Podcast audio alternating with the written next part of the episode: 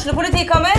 Ine Jansen er purk. Er du purk? The motherfucking bitch. Alt jeg vil, er å finne ut hva som skjedde med mannen min. Jon Carew. Er jeg sikta for noe? Iben Akeli. Det er du. Ole So, Lars Berrum og Big Daddy Karsten. Hvem sin side er du på, egentlig? Anette Hoff, Tone Danielsen, Kommer du fra Afrika? Jørnis Josef, Nesten. Kløfta. Trond Espen Seim, Det er synd å si det, men det var feil mann som døde. Purk. Premiere tirsdag på TV2 Play. Hei, og velkommen til en ny episode av Debrif med Dag Sørås.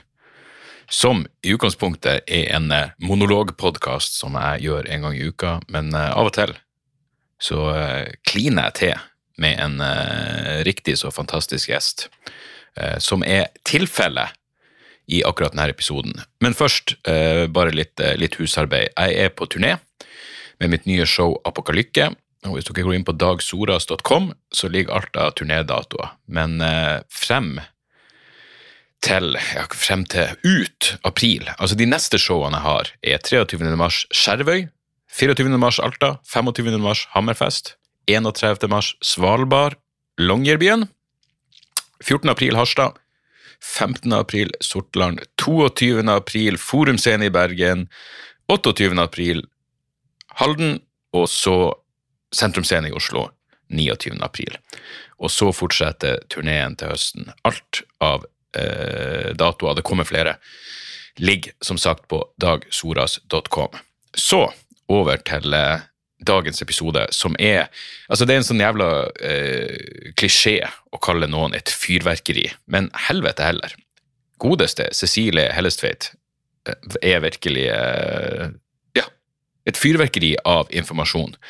Og jeg kan vel egentlig ikke huske å ha hatt en gjest hvor Altså, nesten etter hvert spørsmål så sa hun ting som la, førte til ti oppfølgingsspørsmål i hodet mitt, og eh, ja, jeg følte oppriktig at jeg kunne prata med henne eh, i en evighet uten at vi hadde gått, eh, gått tom for tematikk.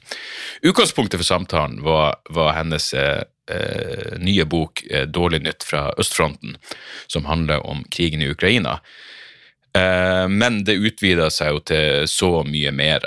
Eh, hun nevnte også at hun jobber, jobber med en ny bok om, eh, om teknologi og menneskerettigheter, så da håper jeg virkelig at jeg kan få henne tilbake i studio igjen, for det her var en særdeles givende samtale. Og Cecilie, for de av dere som mot formodning ikke vet, er norsk jurist, folkerettsekspert, konfliktforsker og utenrikspolitisk kommentator, og hun har en særdeles eh, imponerende eh, CV. Men jeg tror egentlig bare at eh, hun skal få eh, snakke eh, for seg sjøl og dele av sine eh, formidable eh, kunnskap. Eh, jeg syns dette var en helt eh, Jeg storkosa meg med denne praten. Så eh, med det sagt, ta godt imot Cecilie Hellestveit.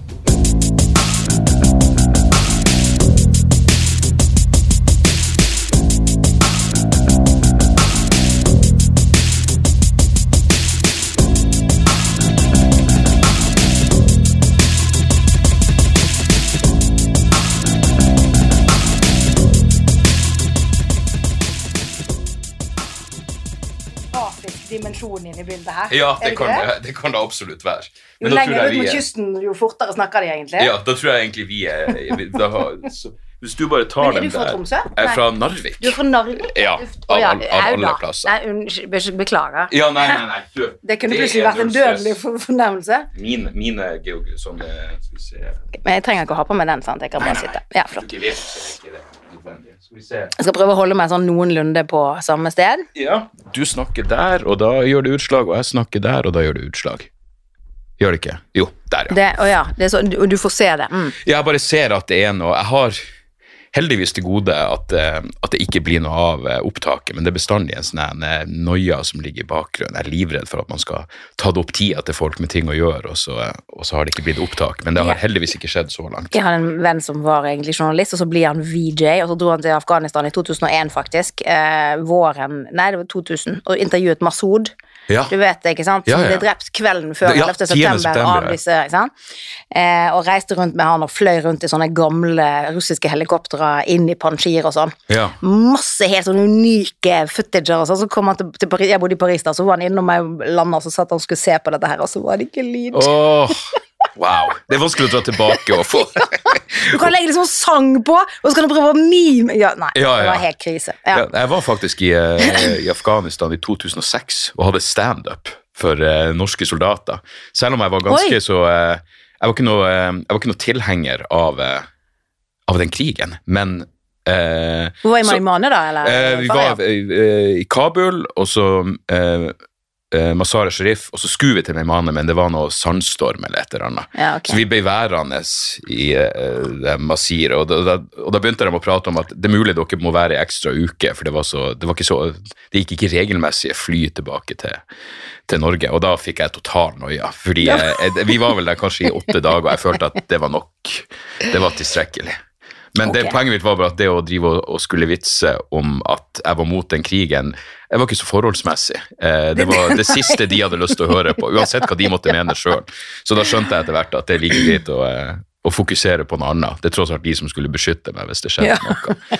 Men vi var inne i det Nato-hovedkvarteret i Kabul, husker jeg. og og det å bli liksom frakt, eller liksom, ja, å være en del av en militærkolonne, for man må selvfølgelig ha på seg utstyr som gjorde at man så ut som man var en del av eh, Da blir du jo et vandrende mål. Ja, man gjør jo Som det. ikke er veldig god på å beskytte deg selv. Ja, ja, absolutt. I høyeste grad. Men eh, eh, jeg ville ha gitt deg en, en ordentlig introduksjon på forhånd. Eh, Ok, så jeg får ikke høre introduksjonen? Nei, nei, det skal bare være veldig Ok. eh, med, Ja, si med, med CV-en din og, og alt det der. Ikke, ikke gå for mye i detalj. på Nei da, det skal jeg på ingen måte gjøre. Men velkommen hit, Cecilie. Og eh, takk for at du har ofra liv og helse for å komme deg hit. Takk skal du ha. Det Ja. var snøfoikja i dag, altså. Men altså, sykkel uten bremse og piggdekk på det her føret, i høyeste grad vinterføre, det er Og uten hjelm også. Og uten hjelm også, selvfølgelig. Litt farlig må man leve, selv om Ja, man bor men her altså, i Norge. Da, da har du vel fått eh, dagens dose adrenalin allerede, vil jeg tro. Ja, nå er jeg jo klar. Nå er du klar. Du, eh, jeg har jo invitert deg hit eh, fordi jeg har lest boka di, eh, 'Dårlig nytt fra østfronten', som jeg, som jeg likte veldig godt. Eh, så det er jo den jeg har lyst til å prate med deg om, eh, om Ukraina-krigen. Men bare som en slags introduksjon, så hørte jeg deg på en annen podkast hvor du prata om at du vokste opp i en familie som i hvert fall verdsatte politiske diskusjoner. Det stemmer. Jeg Ja. hadde, deler av min familie var jo KrF-ere og Israel-venner, eh, fordi en, en del av familien hadde vært, familien hadde vært i, i konsentrasjonsleir under, under krigen og var veldig opptatt av jødene, og de skulle få sitt eget land, og de reiste på turer til, til Midtøsten. Og så hadde jeg den andre siden av familien som var veldig røde. Dette var jo kommunister som eh, Ja, jeg var jo i Sovjetunionen da jeg var liten, og, og som støttet eh, brigader i Latin-Amerika, og støttet palestinerne, naturligvis. Og så hadde vi et lite småbruk på Vestlandet hvor det var sånn eh, eh, Slåtten, da, hvor vi skulle liksom ta inn høyet hver vår og hver høst. Og der husker jeg min, min bestefar og min mor sto på hver sin side med høygafler og nesten drepte hverandre. Ja. Det var helt på hengende håret flere ganger der. Så det var jo voldsomme diskusjoner, Ja. eh, hvor jeg vokste opp og på en måte lærte meg å stå i, i diskusjoner uten at det på en måte skremmer. Og det, det kan jeg nok eh, se har formet meg og har hjulpet meg veldig mye andre steder enn i Norge, egentlig, hvor man jo diskuterer mer tydelig og høylytt og klart enn det vi har for vane her i Norge. Ja, men med, med liksom en så direkte håper å si, linje tilbake til andre verdenskrig, så vil jeg tro at Israel-Palestina-konfliktene kunne bli ganske oppheta på en annen måte enn Det blir liksom mer enn et teoretisk seminar. Det har du helt rett i. Og da jeg bestemte meg for å begynne med arabisk på et tidspunkt der, etter jeg hadde bodd i Sovjetunionen og reiste til Midtøsten, og eh, så var det nok eh, ganske mye murring i familien, for de mente at jeg ble for, eh, for palestinavennlig, og, Ja. og, og det var vel noen som fryktet at jeg skulle konvertere til islam, og, Ja. og på en måte og sånn. Så det var, det, var, det var en del, det var noen år der hvor det var litt bekymring. Ja. Men, men etter hvert så selv min bestefar, som var en ihuga Israel-venn, aksepterte etter hvert eh, mine synspunkter, og at de var avvikende. Så helt Ja. på slutten av livet så, så innfant han seg med det, Ja. tror jeg. Eh, men det var, det var mye eh, verdenspolitikk og sterke synspunkter rundt middagsbordene hjemme hos meg. Ja, ja det, det, er rart det der. Jeg var jo sånn eh, Jeg er nok fortsatt eh, Jeg lener nok godt mot venstresida politisk, men i ungdomstida mi så var jeg nok veldig radikal og begynte å lese noe om Chomsky, og man, jeg gikk gjennom alle de der tingene. Og det er nesten, det er nesten merkelig hvor selvfølgelig det var at du måtte ha et sterkt syn på Israel-Palestina-konflikten. Det var liksom bare en del av greia. Ja, det er interessant. Jeg gjorde en sånn undersøkelse for NRK, uh, Kringkastingsrådet, for noen år siden i forbindelse med den uh, Cast-led-krigen uh, ja, i 2008-2009. Og da så jeg på NRK sin dekning gjennom tre år og gikk gjennom alle flatene. Og det som var veldig interessant, var For det første så ble jeg faktisk litt imponert, særlig over de korte flatene, og hvor flinke de var til å balansere ting. Men det som var veldig slående, var at det var nesten ikke en analyse. Det var veldig mye følelser. Og i motsetning til alle utenrikspolitiske tema, så skulle Israel-Palestina-konflikten behandles av partilederne. Og det er jo, Når du hører på innholdet, så er det jo ikke snakk om den konflikten. Det er snakk om symbolske saker, mm. og så skal du plassere deg politisk. Er du for eller imot terrorisme? Hva er det du eh, verdsetter her og der? Og det har jo ingen ingen effekt for en politisk eh, eh, leder å si noe om det her i Norge. Så det er jo litt sånn den konflikten har blitt ekstremt følelsesdrevet og symbolsk. Og så er spørsmålet burde vi endre på det, burde man ha mye mer sånn kynisk analyse? Og da er jo problemet at veldig mange ungdommer i Norge finner jo sitt politiske engasjement nettopp gjennom den konflikten, fordi den er så tydelig. Så jeg, jeg har litt sånn, litt sånn uh, schizofrent forhold til akkurat det, altså. For jeg tenker at særlig sånn som det har sett ut i Norge de siste 20 år, så har det ikke vært nødvendigvis så veldig mange saker som du blir brennende opptatt av. Nå har situasjonen endret seg, så mm. nå kan du si at vi kanskje ikke trenger Israel-Palestina-konflikten like Nei. mye som vi har gjort for akkurat å vekke eh, engasjement og sånn, men den har nok hatt den funksjonen i, i norsk offentlighet i noen år, altså. Ja, jeg, jeg vet ikke hva det er med Jeg mener, jeg, jeg, jeg ser på meg sjøl som et ganske sånn eh, følsomt menneske, jeg gråter lett, men jeg har virkelig en aversjon mot for mye følelser i nyhetsdekninger. Jeg mener, jeg hørte på um, The Daily, den podkasten New York Times. De hadde, de hadde en million episoder om Ukraina, selvfølgelig. Og det var, det var et eller annet med hun som leda podkasten, hvor det bare var sånn Hun, hun, liksom, hun, hun prata med en reporter som var i Ukraina, men hun var så sjokkert over alt han sa, og det er akkurat så jeg forventer litt mer sånn selv når det diskuteres grusomme ting, så er det et eller annet med en sånn nøktern tilnærming som, eh, som, i hvert fall appellerer mer til meg når, eh, når det kommer til, til nyhetsdekninger. Ja, jeg er helt enig i det. Jeg syns også det er altfor mye på en måte følelser i dekningen. Altså dette, dette emokratiet som vi mm. nå lever i, ikke sant? at det veldig ofte skygger veldig for analyse. Og jeg, jeg har jo vært forsker nå i snart 20 år og jobbet også på en måte med offentligheten og opplever nok at, at folk forstår mindre av verden i dag, de større strukturene, enn de gjorde for 15 år siden. Og jeg tror nok det har noe med, med den dekningen å gjøre. Mange, mange bakgrunner selvfølgelig for dette, men, men at man man, har en nyhetsdekning jevnt over som er mer følelsesdrevet enn analytisk. Og sånne som meg blir jo da ofte litt sånn the cynical bitch, ikke sant? som mm. på en måte eh, skjærer igjennom og har ikke egentlig så veldig mye følelser i det jeg driver med. Og, og noen av bøkene mine har jo blitt på en måte anklaget, eller ikke anklaget, men man har sagt men hvor er de personlige historiene? Mm. Eh, og de hører ikke hjemme i, hos meg, da, tenker jeg.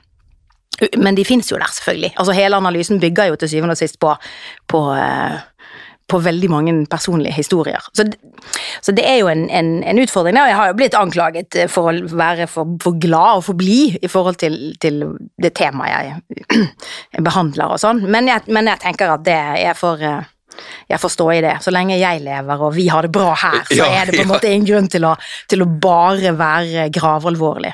Jeg husker det kom um, det her, ja, det her må man jo ta på minnet, det må jo ha vært rundt 2005, så var det en amerikaner Jeg, jeg tror boka heter et eller annet The War on Truth eller The War Against Truth. Han var i hvert fall i Bagdad da, da angrepet på Irak starta i 2003. Og Jeg husker bare at han begynte boka med Eh, et bilde av notater han skrev under den Sjokk nå-kampanjen. Eh, for han hadde en introduksjon som var litt mer nøktern, men så ville han bare, han, ville bare understreke hvor emosjonell han egentlig var, og, og, liksom hva han skrev ned der og da. Og det var akkurat som det var en fin en motsetning mellom det, ja, det, det veldig emosjonelle, forståelig nok når du er der mens det skjer, og den analysen du kan komme når du faktisk har kommet deg under litt tryggere forhold og fått litt tid til å tenke over ting. Ja, Det der er jo en litt sånn vanskelig balanse, det, fordi når vi snakker om, om væpnede konflikter som er langt unna, så er det klart én uh, ting er analysen, men noe annet er å formidle på en måte det helvete det er for folk å være i en krigssituasjon. fordi det som skjer da, er jo at du forsvinner som individ. Du Mm. er ingen lenger. Du er en del av en gruppe eller en part. og det er på en måte ikke noe du kan gjøre for å si 'hei, jeg er ikke med på dette her', fordi du er med på det, enten du vil eller ei. Og, og den, den følelsen der av total sånn maktesløshet da, og, og, og redsel og, og sånn, er det vanskelig å formidle i, i sånne kyniske analyser, om du vil. Og jeg merker nok det at i forhold til Ukraina-krigen, så jeg kjenner jo ganske godt til de mekanismene der, ikke sant. Altså inni krigen så har du noen sånne sosiale mekanismer, og så utenfor den første ringen så er det litt andre, og så utenfor der igjen så er det andre. og og jeg opplever nok at den norske offentligheten har vært ekstremt forskånet fra dette. Og med Ukraina-krigen så rykker krigens virkelighet nærmere, og folk lar seg rive med i disse dynamikkene uten helt å forstå det selv, da. Så det er jo ikke det at man ikke skal være på en måte 100 støttende og, og, og, og brennende opptatt av at vår måte side skal vinne, men det er også noe med å forstå seg selv i det, da. Og også innse at selvsensuren kommer, ikke sant. Man begynner å skrelle bort veldig mange sider av virkeligheten som ikke passer inn i det bildet, fordi det er ikke nå vi skal se på det.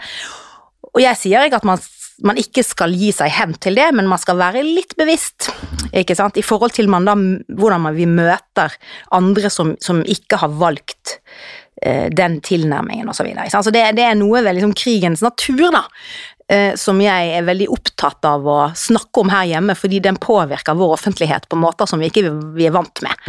Ikke sant? Og da kan du si at Israel-Palestina-konflikten eh, har eh, på en måte det er bare en dråpe i havet sammenlignet med dette, fordi dette her er en krig som faktisk eh, påvirker Norges sikkerhet, også her hjemme. Sant?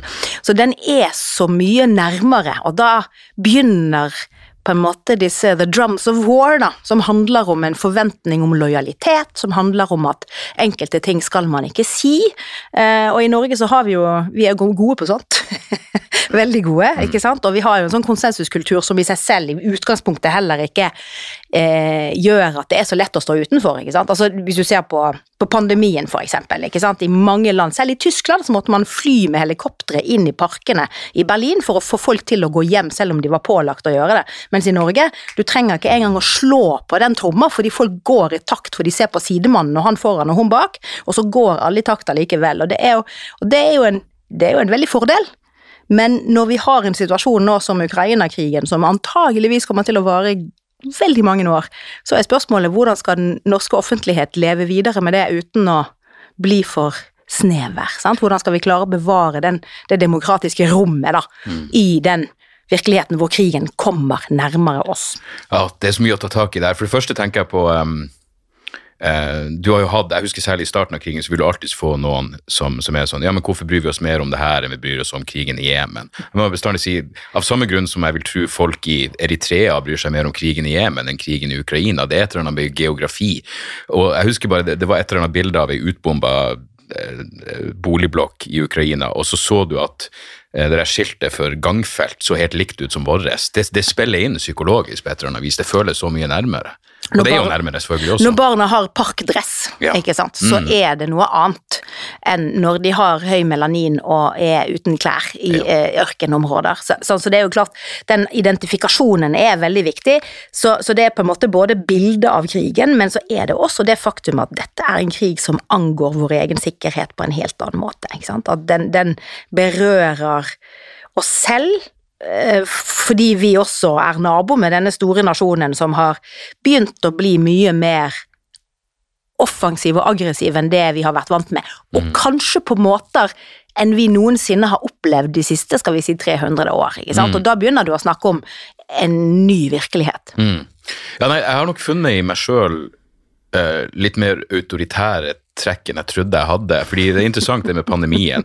Um, der var jeg nok veldig sånn eh, Jeg var nok en av de som var veldig krass mot, mot vaksineskeptikerne. Jeg forsto ikke hvorfor det var så mye liksom, Jeg jeg, fikk en veldig sånn holdning av ja, men gjør nå bare som man får beskjed om, eh, rett og slett. Eh, og det var først når den første denne Smittestopp-appen kom, hvor det viste seg å være eh, sikkerhetshull og overvåkningsutfordringer, at jeg fikk en sånn hei, vent, nå må vi sette på bremsen litt. Og jeg kjenner på meg sjøl når det kommer til Ukraina-krigen, at jeg har nok eh, Jeg tror jeg har reagert veldig emosjonelt, og så tror jeg også eh, liksom på det personlige plan, fordi jeg har vært en av de som virkelig har sett på USA som roter til alt ondt, USA har en finger med i alt. At det, det, det er fort å overkompensere med å gå andre veien. Jeg skal liksom vise for meg sjøl at jeg er kommet videre fra, fra de veldig sånn venstreradikale holdningene som, som jeg hadde. Men det er klart, eh, ja, våpen, debatten om norsk våpenstøtte er jo et sånn eh, klassisk eksempel som jeg husker jeg tenkte jeg, jeg er uenig med, med ja, Nå husker jeg ikke engang hva Rødt Jo, Rødt sitt offisielle standpunkt var vel at de, er, at de er mot. Jeg var uenig med det. Samtidig så var det en del av meg som tenkte jeg er glad de er her. Dette er virkelig funksjonen til et sånt parti, fordi det faktisk er en debatt om det. Og så kan du selvfølgelig eh, ja, så vil vel Kjetil Alstadheim i Aftenposten eh, avvise debatten som idiotisk og, og, og understreke at de er et marginalt parti, men jeg tror fortsatt det har en, eh, en viktig effekt at det faktisk er noen som, eh, som ber oss sette litt på bremsa og tenke over ting. Ja, jeg tenker nok at det, vi skal være veldig glad for at vi har sånne stemmer, og, og på en måte partier som tør å ta sånn, sånne diskusjoner i offentligheten. og Det håper jeg vi klarer å fortsette med, og at ikke de får så mye juling nå at neste gang så holder de det på bakrommene. fordi det er jo akkurat det som er vår utfordring. Da. Vi har et veldig demokratisk samfunn i Norge, og de som mener at vi er på vei mot mer autoritære eh, forhold, har nok litt rett i det, men det er jo opp til oss å bestemme. Det er jo vi som kollektiv som egentlig skal avgjøre hvilken vei vi går. Og det med å være krast imot det enkelte i Rødt mener, det er lov, men det å si at de skal ikke få si det, de skal ikke få gi uttrykk for det, da er vi på en måte pre-Voltaire, ikke sant? Og Ja. det er jo noe som er veldig viktig å ha med seg her, at at det blir en hardere offentlighet og en hardere virkelighet. Da koster det mer å si ting, men ytringsfriheten skal vi allikevel være veldig glad for at vi har, og vi skal ta vare på den nettopp ved å si at, at, at mennesker som har andre eh, synspunkter, må få lov å komme til orde. Eh, Og det, jeg, jeg snakker jo med alt som har puls. Sant? Jeg har vært og snakket med sånne no-planers som mener at eh, ikke bare at eh, 11. september aldri fant sted, men det var ingen fly. Ja. Ikke sant? Eh, Det er spenstige ja, det er veldig spenstige greier. Men, men ikke sant? heller gå i dialog og prøv på en måte å høre hva de har å si, og hvor det gikk så galt. Fordi det som skjer, og dette her kjenner jeg veldig godt fra Midtøsten, hvor dette vi kaller for konspirasjonsteorier Jeg er liksom motstander av, av akkurat den benevnelsen, men skal vi si litt lette eh, slutninger basert på eh, spredte faktum, tror jeg vi kan si. Sant? Det er jo akkurat det som skjer i autoritære samfunn. Dette er det som er en av de viktigste karakteristikkene ved autoritære samfunn, at folk går rundt og tror alt mulig, for de har ikke hele bildet, de har bruddstykker av informasjon, og så må de dikte der de ikke forstår det, ikke sant? Og der kan det gå så galt, og når vi har så mye trolling og, og ekkokamre som vi har nå, så blir det på en måte utrolig viktig da, å gå inn i sånne miljøer og prøve å snakke med dem om, om hvordan de kan forklare at dette er teorien de opererer ut ifra. Og, og det er jo vi som bestemmer hvordan vi behandler de, skal vi si, dissidentstemmene i samfunnet. Jeg har jo en del eh, å gjøre med sånne stemmer, som sagt, og noen ganger så blir jeg jo skikkelig frustrert og sur og lei, og jeg skulle bare ønske at jeg kunne putte det i en boks og legge på lokk og ikke sant?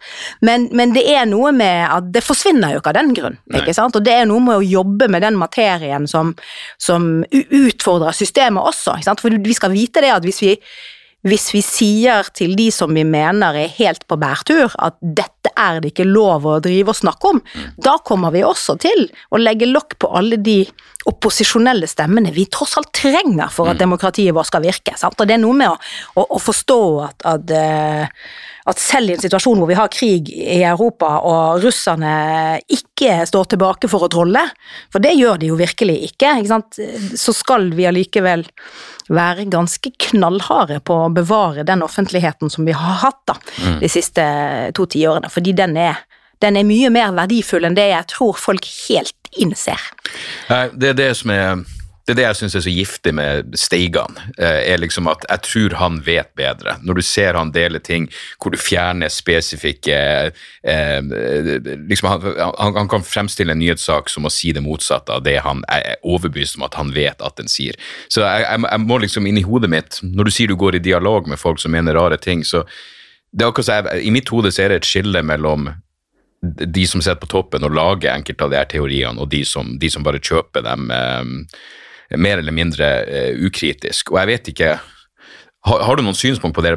Tenker du at man må i hvert fall gå inn i en debatt med eh, hva de kaller det, good faith, altså at du, at du har de rette intensjonene med å ha en debatt? For jeg, jeg vet ikke med et sånt menneske som eh, Eller en sånn, hva man skal kalle det, medieinstitusjon som Steigan, så vet jeg ikke helt hva, hva, de, hva man prøver å oppnå, annet enn å så tvil om absolutt alt. Det, det, det er det som Nå går jeg all over the place her, men, men det, det, er akkurat så den, den, russiske propagandaen, eller hele den vinklinga, er en sånn postmoderne nihilisme. Det er liksom én ting med å, å, å, prøve å overbevise folk om én ting, men det virker virkelig nå som man, man er et sånn eh, hvor ytterpunktene bare prøver å så tvil om eh, de mest grunnleggende aspektene ved virkeligheten. Det er liksom ikke det der 'vi gjorde ikke massakren', det er det 'massakren skjedde ikke', og de folkene er skuespillere. Det, det er akkurat så Det har gått utover konspirasjonsteorier til å bare bli eh, Eh, for det er en ting med en konspirasjonsteori, da har du en konkret anklage.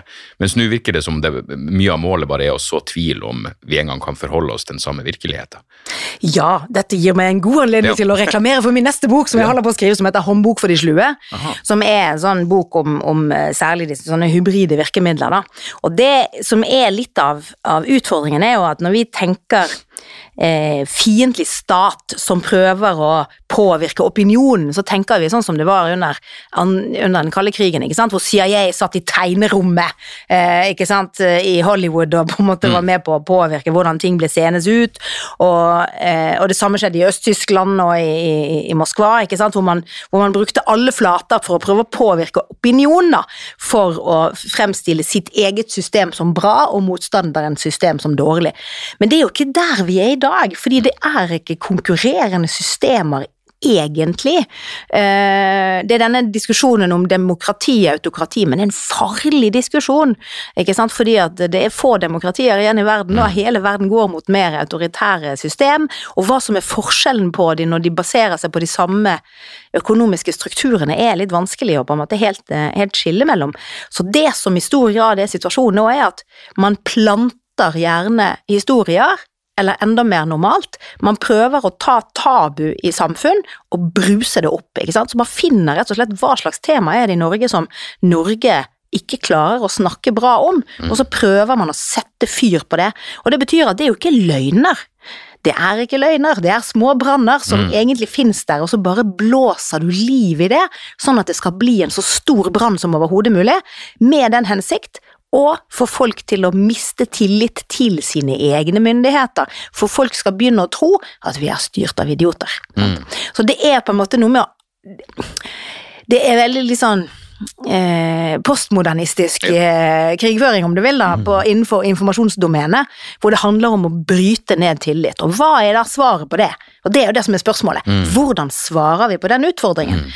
Og jeg syns jo, hvis du tar pandemien da, som et, et godt eksempel, så er det slik at vi har jobbet mye med sånn biologiske våpen, og det er jo en veldig mørk greie. Men der er det jo blant annet et institutt i Wuhan mm. som driver med gain of function-forskning. Mm. Altså de driver og tukler med, med DNA-et til en del koronavirus og sånn. Dette her visste jo vi, var mange som visste dette i 2018 og 2019. Og i 2020 så skjønte du relativt fort at men dette skal vi ikke snakke om nå, nei. sant? Mm. Fordi det fins ikke noe rom for å snakke om den versjonen at her kan det ha vært en lekkasje. sant? Nå kan man snakke om det, men ikke mens det står på, ikke sant? Um, fordi da, da, skjer det noe med, med, hva du har lov til å diskutere som årsaker. Og det er også vanlig i forhold til kriger. sant? Det er enkelte forklaringer på den krigen i Ukraina som vi ikke skal diskutere nå. Det er det historikerne som skal få lov til å gjøre. Mm. Og det har sammenheng med at nå trenger alle å se felles i den retningen der. Det dør mange noen dager mange hundre menn hver dag for noe vi definerer også som vår kamp, og det er klart, da skal du eh, eh, la enkelte ting ligge inntil videre. Sant? Så det, det er en sånn disiplinering, egentlig, i forhold til å stå i kampens hete. Men så er spørsmålet hvordan skal du allikevel sørge for at folk kan få lov til å tenke, da.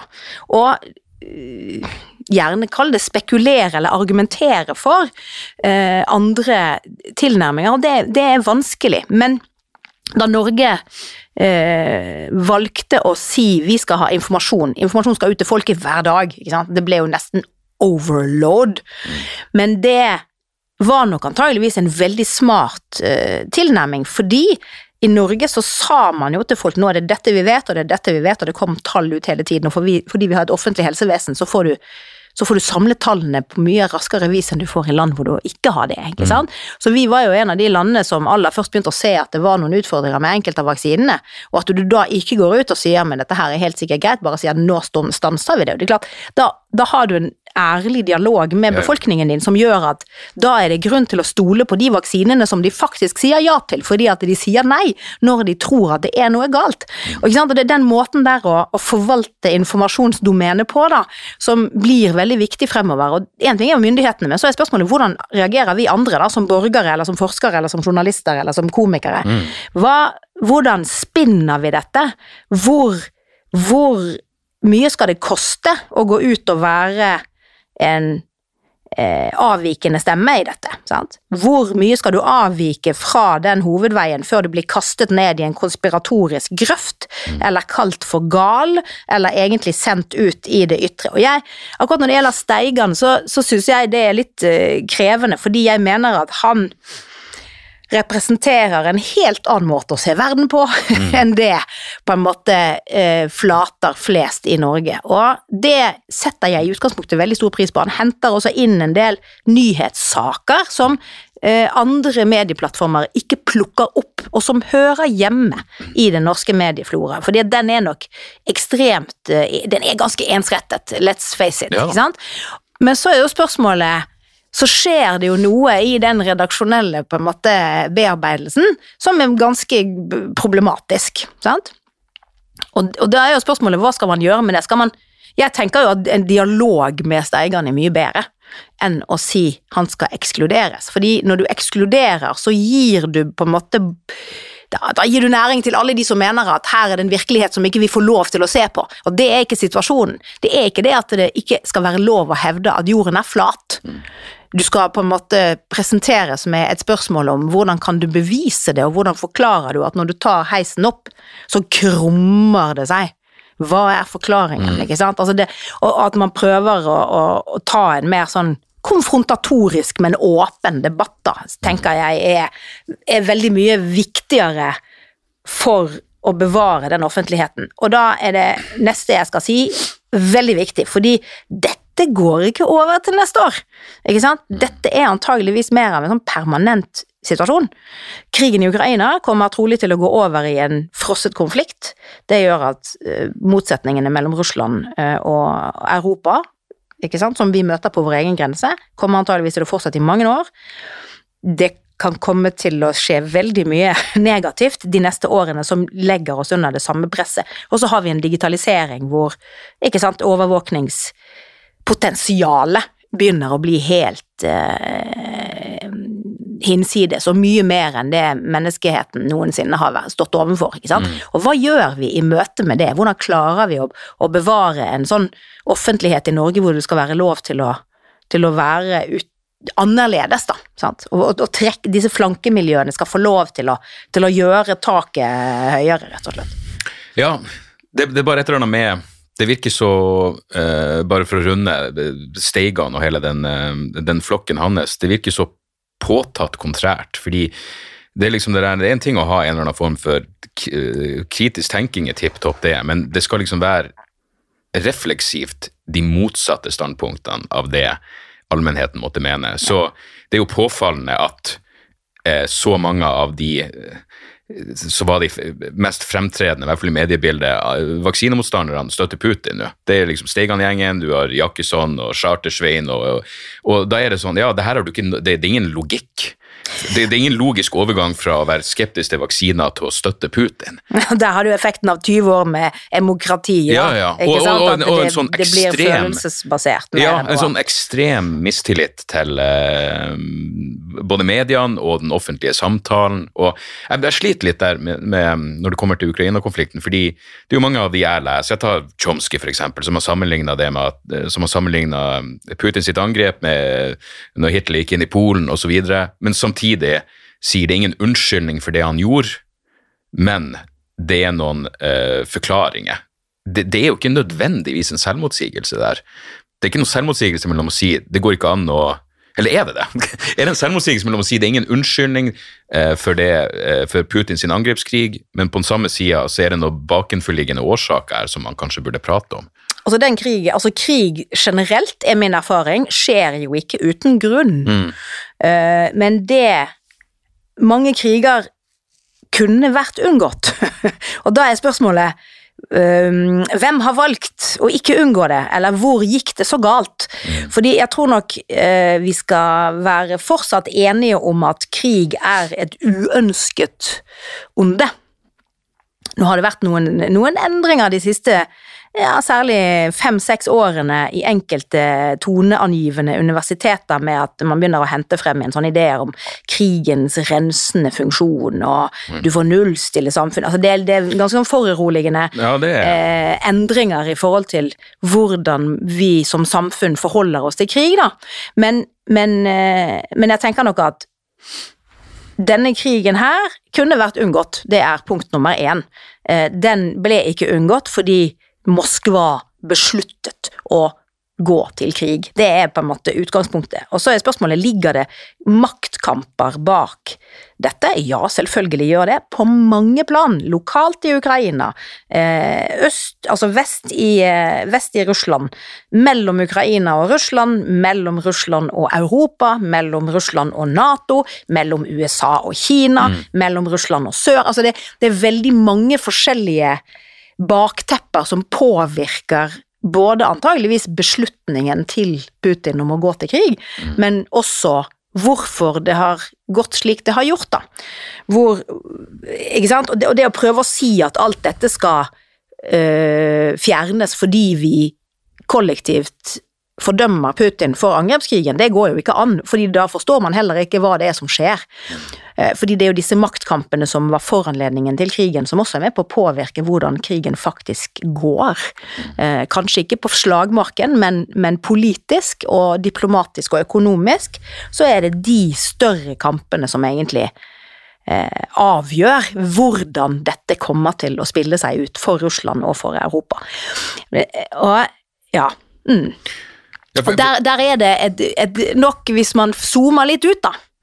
eh, Så er det klart eh, Russland har tapt veldig mye på denne krigen, men de har ikke tapt på alle flater. Og det er jeg litt opptatt av å, å, at folk skal forstå, og det er også litt av grunnen til at jeg har skrevet den, denne boken, fordi jeg vil at man skal skjønne at Én ting er det som foregår i krigsteateret i Ukraina, som verden har bestemt skal foregå i Ukraina. Sant? Men noe annet er måten denne krigen påvirker større strukturer på, som kommer til å få stor betydning for også for Norge i mange år fremover. Mm. Ja, du skriver jo at um, Putins Ukraina-retorikk speiler vestlige lands posisjoner i andre konflikter. Hva, hva du mener med det? Nei, altså eh, Det handler jo om den begrunnelsen for hans villede krig. Og den måten Putin har bygget opp sitt resonnement på rundt krigen. Det ene er dette med denazifisering. Det er, tenker jeg, noe som handler mer om en, en historiefortelling. Det, det er som- mer på hjemmebane. Ja, det er mer på hjemmebane, mm. og kanskje litt overfor ukrainerne, fordi det ligger jo Ja, en, en trussel i det, ikke sant? Fordi forrige gang når, når Sovjetunionen kjempet mot nazismen også på ukrainsk territorium, så var det fryktelige eh, lidelser som kom ut av det. Så, eh, så det er også en sånn skremselspropaganda, om du vil, overfor ukrainerne. Men jeg tror nok at, at det jeg snakker om her, handler om den måten eh, Moskva rasjonaliserer begrunnelsen, og den speiler amerikanernes eh, intervensjon i Kosovo i 1999. Den speiler til dels eh, amerikanerne og britenes intervensjon i Irak i 2003. Og i tillegg så, så har den noen sånne dimensjoner i seg som, som speiler amerikanernes nærvær i Syria. ikke sant? Fordi det, det russerne har sagt, det at, eller sa innledningsvis, var her er det en ikke-statlig aktør som har autonomi i nord, og vi må beskytte de mot at hovedstaden kommer inn og gjenerobrer Donbas. Det er akkurat den samme situasjonen som foregår i Syria, hvor amerikanerne står og beskytter kurderne, en autonom eh, region i øst som skal beskyttes mot da en offensiv fra Damaskus, og russerne, faktisk. sant? Det, det minner meg om det, det kan kalle det den responsibility to protect-doktrina som den vel en gang i tida hadde. Jeg vet ikke hva som skjedde med den, den forsvant vel? Den eh, ble vel eh, egentlig ikke noe av, bortsett fra at det er jo en forventning om at Sikkerhetsrådet skal gripe inn, da. Ja, det var kanskje Men her- Libya de brukte den som Ja, men, men her er jo Sikkerhetsrådet er på en måte satt på sidelinjen av helt åpenbare grunner, fordi vetomaktene Mm. selv er involvert. Og det russerne gjør, er jo nettopp å speile amerikanerne sin posisjon der, og i tillegg, og dette er veldig viktig å forstå, det argumentet som russerne har brukt her, er ha sagt vi har et land, og i det landet så er det en, en liten del som erklærer selvstendighet. Og dagen etterpå så går vi inn og beskytter dette lille landets selvstendighet mot den store kjempen. Dette er akkurat den situasjonen som amerikanerne kommer til å stå overfor på Taiwan og overfor Kina. Sant? Så, så, så det Putin i realiteten gjør, er å speile ting som foregår i samtiden, og det gjør at enkelte store stater er litt forsiktige med å være for tydelige i motreaksjonen. Det gjelder ikke europeerne. Ikke? For, for oss er dette her eh, helt katastrofe. Fordi det Putin i realiteten har gjort, er å gjeninnføre bruk av militærmakt eh, som virkemiddel i Europa mellom stater, noe, noe Europa trodde Ja, du skriver jo at etterkrigstida er over. Ja, Mm. og det har brakt Europa inn i en ny tid. Det er en ganske sånn stor eh, påstand, men den mener jeg å kunne stå inne for. Eh, fordi jeg har jo forsket på krig nå i snart to tiår, og i Europa så forsker vi jo ikke på krig, ikke sant? Det, det driver vi ikke med, fordi det har vi lagt bak oss. Eh, særlig krig mellom nasjoner og den type krig som, som, som Russland har innledet i Ukraina.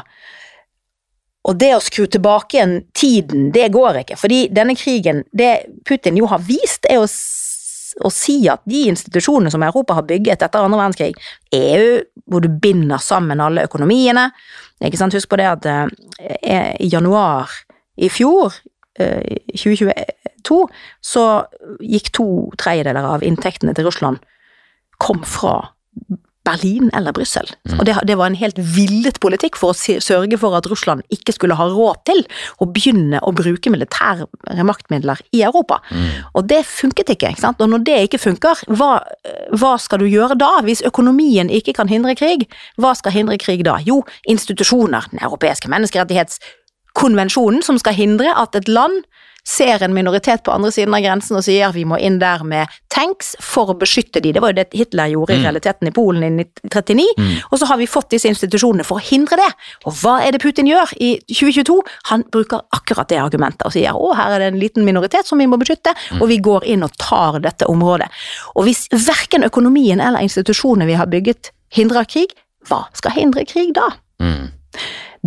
Det europeiske land nå driver og diskuterer seg imellom og med seg selv, er er det konvensjonell opprustning. Fordi det er, som også denne krigen har vist, det er jo at den atomparaplyen som Nato har, og de 5000 taktiske atomstridshodene som russerne har, trodde jo vi var den, den beste garanti mot en storkrig i Europa, fordi det er for farlig.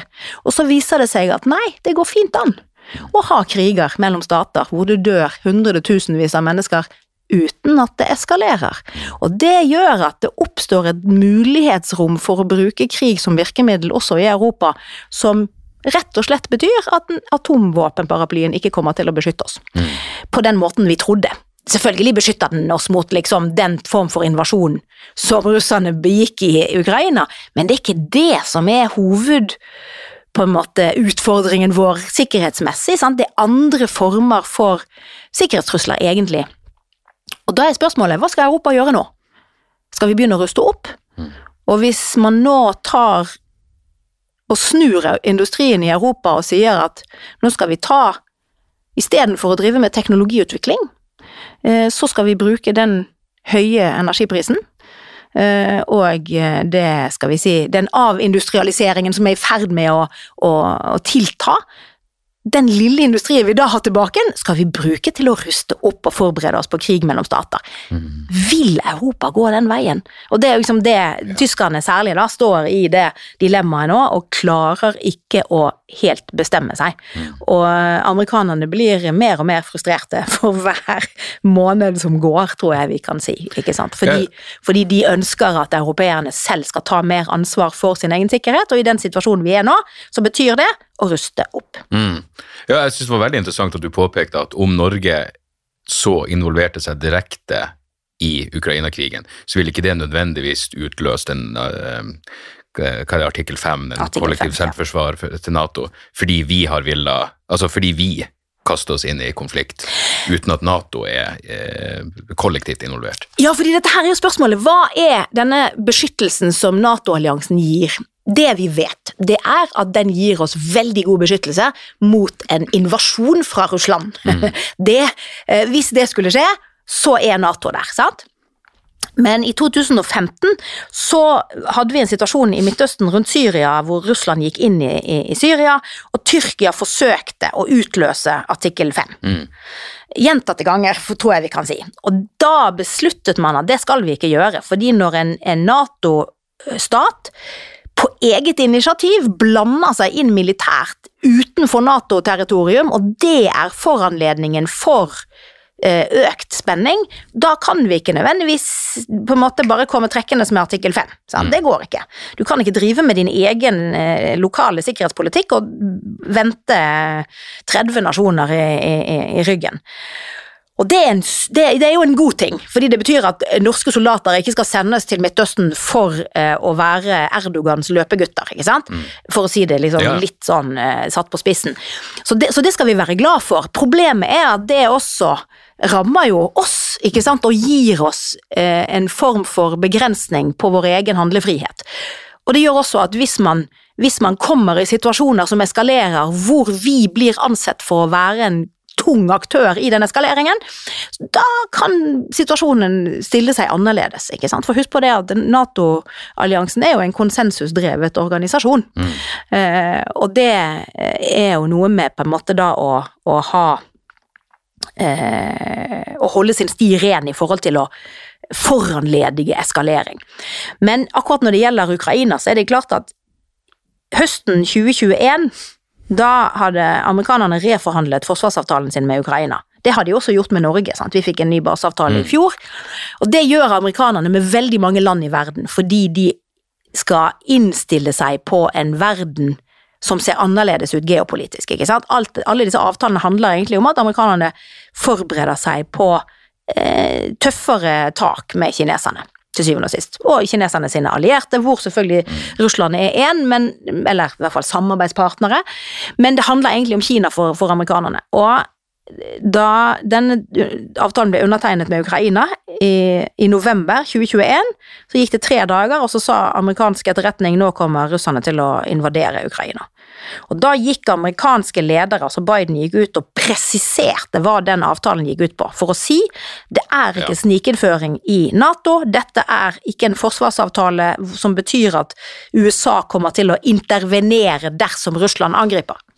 Ikke sant? Og det var jo ment for å deeskalere, for å si at nei, nei. Mens det ble jo lest tydeligvis i Moskva litt annerledes, blant annet da, som en ja, som et grønt lys, ikke sant? Nå har du muligheten til å, til å gå inn.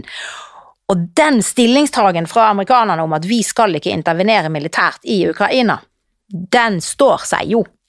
Og det, når amerikanerne ikke gjør det, så holder andre Nato-land seg veldig på, på teppet for å hindre at de ikke da skal foranledige en eskalering. Ikke sant? Og jeg vet ikke om du husker når, når det falt ned eh, Ja, i- i noen missiler i, i Polen, så gikk amerikanerne ut etter tre kvarter og sa det var ikke russerne. Ja, ja. Og så kan vi på en måte tenke, men hva var det som skjedde? Jo, men det er jo amerikanerne som sier vi skal ikke ha en eskalering inn i Nato-området.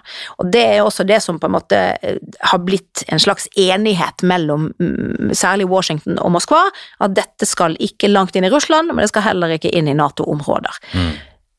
Men det er jo noe som partene har bestemt. Og det er jo en begrensning på denne krigen som i en eskaleringssituasjon plutselig kan forsvinne. Mm. Og det, det gjør at selv om vi nå har gått oss inn i noen sånne mønstre i denne krigen som gjør at sånne som meg sånn generelt er mindre bekymret for eskalering, så kan det likevel skje, ikke Ja. sant. Så, så Og misforståelse og uhell, sånn som den, den saken i Polen. Det kunne Ikke sant. selvfølgelig, ja. Mm. Og så er det jo aktører som ønsker Naturligvis. Og, altså, hadde jeg vært ukrainer, så Ja. hadde jeg nok vært veldig misfornøyd med den situasjonen, og hadde ønsket mye tyngre deltakelse fra, uh, fra enkelte Nato-land, i hvert Mm. fall. ikke sant? Og det er en helt legitim interesse eh, som ukrainerne har, blant annet. ikke sant? Og, og, og det er også noe med å forstå den dynamikken i denne type konflikter, at at det vil være aktører som helt legitimt vil ønske på enkelte tidspunkt å eskalere konflikten. Eh, selv om vårt ønske naturligvis her i nord ikke er det, fordi det kunne veldig lett implisere Norge på måter vi absolutt ikke ønsker. Mm. Jeg leste den, eh, det kom en biografi om Putin, en, eh, en britisk historiker som heter Philip Short.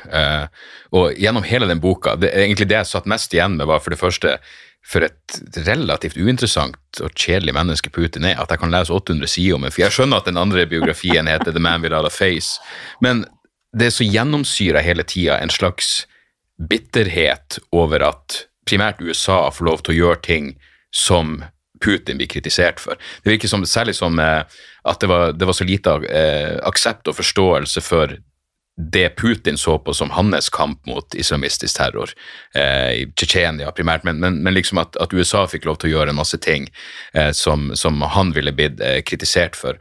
Og det har vel egentlig bare fortsatt. Samtidig så lurer jeg på om det nå om det har vært nå reell frykt for at Liksom, jeg skjønner argumentet med altså Nato utvider seg og innsnevring, alt det der, men jeg har vanskelig for å se for meg at Putin oppriktig har frykta noen form for vestlig angrep på Russland. Tror du det? At han har vært redd for det? Nei. At det, Nei, det tror jeg ikke. Det, tror jeg ikke. Det, det, det ville overraske meg veldig. Men det jeg tror er at eh, altså For det første så er jeg litt uenig i dette med, med terror, fordi det var jo russerne som egentlig, gjennom Vladimir Putin egentlig, som i eh, 2000 i den andre Tsjetsjenia-krigen startet med den type krig mot terror som etter hvert bredde seg til veldig mange land i verden, bare Mm. ikke så skal vi si rå Nei. som den russerne holdt på med. Det Fordi var det, det, det Russland gjorde i Tsjetsjenia, var å sørge for å terrorisere Tsjetsjenia på en slik måte at ingen av de andre russiske føderative enhetene skulle tenke på selvstendighet. Mm. Fordi det var på et tidspunkt hvor, hvor den russiske føderasjonen knaket i sammenføyningene, ikke sant. Mm. Og det var jo eh, å bruke rå vold for å presse eh, føderative enheter til å endre politikk, rett og slett. Sant? Mm. Eh, Men det som skjedde var at intifadaen som brøt ut bare noen måneder senere i Midtøsten, altså mellom Israel og Palestina, den andre intifadaen, der la israelerne seg på en veldig lik argumentasjon som den Russland 2000, var det ja. Det var i 2000, Ja. Mm. i september 2000. En veldig lik argumentasjon som den russerne hadde benyttet uh, i Tsjetsjenia. Og så kom 11. september, og da kom amerikanerne om bord og kopierte den måten som både russerne og israelerne i realiteten hadde diskutert, altså hadde på en måte eh, framet denne, denne krigen mot terror. Og det jeg mener, og veldig mange med meg, er jo at effektene av krigen mot terror gjennom 10-15 år har gjort at veldig mange vestlige land har blitt mer lik Russland, ikke sant? Eh, og i 2006 så ble jo Russland invitert inn i en Nato-operasjon, alle for én, én for alle, under artikkel 5, eh, i Middelhavet for å bekjempe terror eh, maritimt, ikke sant? Og det, det er jo noe med at så fra på en måte Tsjetsjenia-krigen, hvor, hvor man virkelig hardt kritiserte Russland, så ble det jo en slags Men dere får komme inn i varmen, og vi har en felles fiende i ikke-statlige sunnimuslimske terrorgrupperinger, da. Det ble jo en felles fiende for alle. Eh, og det er jo en, en form for samarbeid som russerne og kineserne eh, har brukt veldig for sant, å utvikle disse RATS, eh, Rapid Reaction Force of. Terrorism, ikke sant, og, og har masse militære øvelser og har noen sånne kontorer rundt om forskjellige steder hvor, hvor kineserne og russerne og, og etter hvert også eksempel iranerne samarbeider om å, om å, om å bekjempe sunnimuslimske terrorgrupper, Ja. ikke sant, og det, og det er klart det, det er Nå har det blitt et, et, en, en veldig tydelig todeling der. Eh, men den kommer jo liksom fra en sånn felles eh, formulering som at det er dette som er vår felles fiende. Ikke sant? Og nå etter hvert da så begynner jo de store statene å snu seg mot hverandre og bruke en del av de virkemidlene som vi utviklet for å ha kontroll over eller bekjempe ikke-statlige terrorgrupper, blir nå benyttet eh, på litt andre måter. Ja. Så, så det er jo, og, og, og det betyr jo ikke at trusselen fra islamistisk terror har forsvunnet. Nei. Heller, sant? Så nå er vi jo i den litt sånn uheldige situasjonen at vi må, vi må vi må definere noen sånne nye rammer rundt dette her, og det, det som er min, min oppfordring, og som jeg også for så vidt prøver å, å snakke om litt i denne boken som handler om krigen i Ukraina, er jo hvor skal vi gå videre herifra? Som samfunn, hva er, hva er det som er eh, målsetningene og virkemidlene nå. Fordi når du har store eller mektige terrorgrupper som bruker sivil infrastruktur og sivil teknologi for å angripe samfunnene våre, så er det ikke så vanskelig å mobilisere mot det. Ikke sant? Fordi det, det er eh, Det er en veldig klar og tydelig trussel, egentlig. Men hva er det som er trusselen nå? Ikke sant? Den er mangefasettert, den kommer fra mange steder, og hva er det den egentlig angriper? Ikke sant? Som du også sier selv, det er jo ikke for å på en måte plante en falsk forestilling, det er for å lage kaos, eller for å bryte ned tilliten. Ikke sant? Hvordan, hvordan skal vi som samfunn på best mulig måte stå imot dette her? Ikke sant? Eh, Skal vi tenke mer kollektivt? Skal vi tenke mer lojalitet? Uten at det blir en tvangstrøye som relativt raskt tar fullstendig livet av eh, alt som kan minne om demokrati i landet vårt. ikke sant? Hvordan, hvordan klarer vi på en måte å, å beholde det eh, tillitssamfunnet, da, som er, som er det som, er, som gjør eh, skandinaviske samfunn helt unike, egentlig, etter mitt skjønn. Jeg har bodd i mange land rundt om i verden, og det som jeg på en måte ser som helt spesielt med, ved vårt samfunn, er jo den, den, den tilliten som vi har til hverandre, og til at statsmakten tross alt, som vi selv forvalter og kontrollerer, den vil oss vel. Ja. Den er der for, for fellesskapets goder, ikke på, fordi at den har noen egne interesser og, og målsetninger som er skjult for, for folket, ikke sant.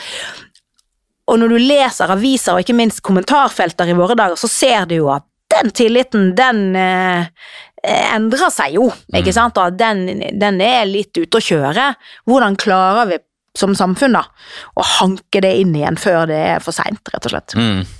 Ja, du har jo doktorgrad i krigens folkerett. Jeg har bestandig tenkt at internasjonal lov er så viktig fordi jeg ser ikke på stater som noen form for egentlig moralske aktører. De handler vel ut fra egeninteresse, og da er det så viktig å ha, på samme måte som storkapital må reguleres osv., rett og slett av den grunn ser er det viktig. Så jeg lurer på, har vi en gang noe, noe, noe sånn rettsmessige institusjoner for å stille folk eh, til rette for det som skjer i Ukraina? Ja, det har vi. Og den type krig som vi har i Ukraina, er krig mellom to nasjoner. Mellom to stater. Og det er den modellkrigen som hele det internasjonale rettssystemet vårt er bygget opp for. Ikke sant? Eh, I krigene i Afghanistan stort sett, i Syria, i Jemen, til dels også i Libya. Det er andre typer kriger hvor det er mye, mye vanskeligere å få det til. Mm.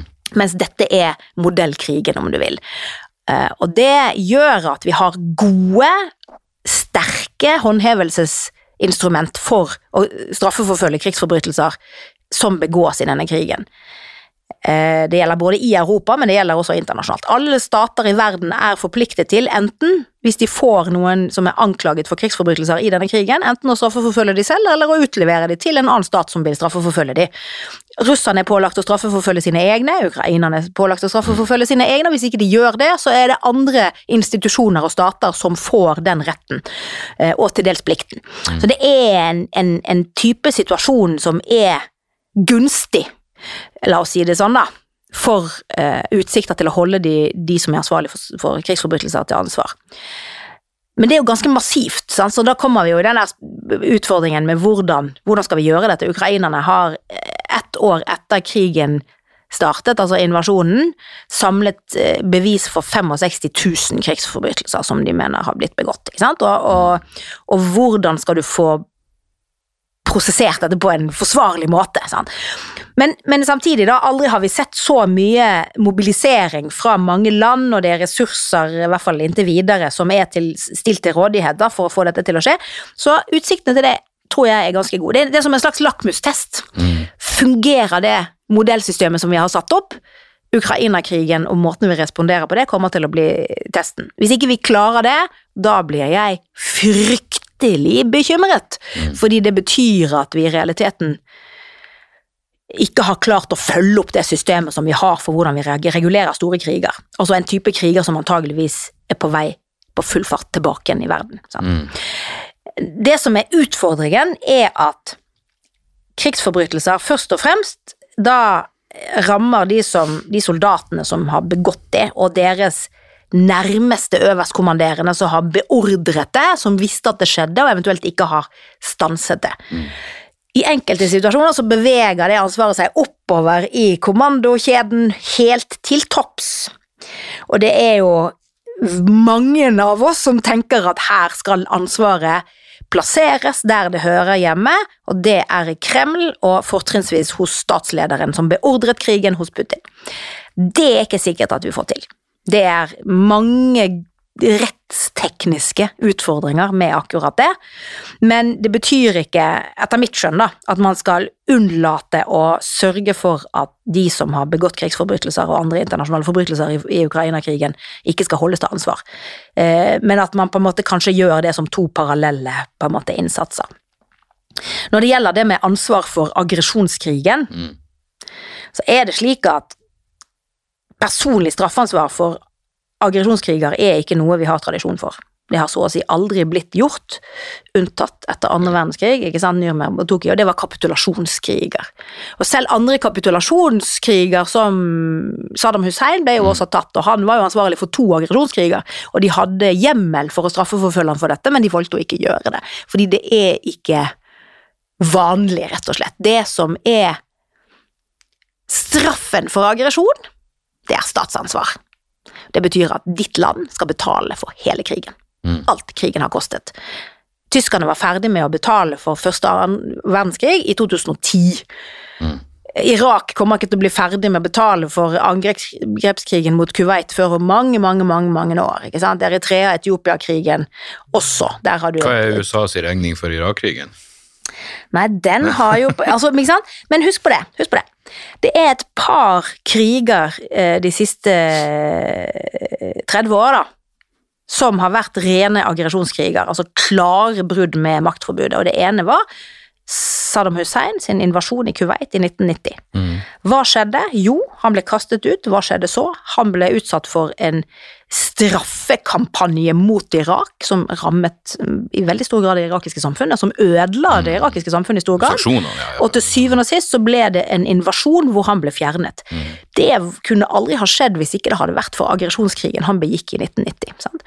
Eh, amerikanerne gikk inn sammen med britene i Irak i 2003 uten hjemmel de endte opp med å tape den krigen. Fordi at det at ikke de hadde hjemmel, gjorde at Tyrkia sa vi er nøytrale, dere får ikke bruke tyrkiske mm. baser for dette, eller amerikanske baser i Tyrkia.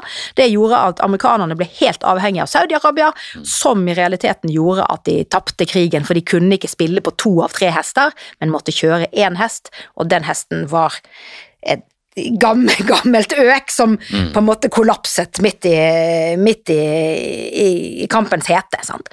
Så det gjorde jo at amerikanerne allerede fire år seinere innså at her har vi tapt. Og hvis du ser på omkostningene for amerikanerne av krigen i Irak, så er de store. De er militære, de er diplomatiske, de er politiske.